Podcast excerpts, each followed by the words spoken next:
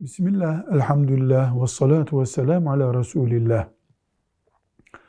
Bir işi yapmak için görev alan, maaşlı insan veya iş ücreti olarak çalışan bir insan, o işi başkasına yaptırıyor, ücretin o bölümünü de ona veriyor.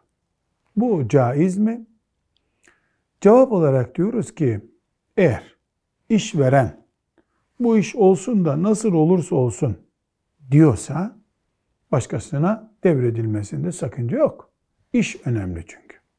Ama işveren ben seni istiyorum burada görmek.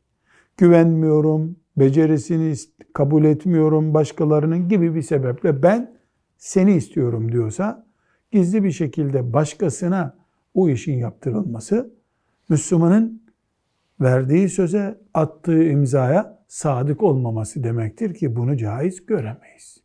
Velhamdülillahi Rabbil Alemin.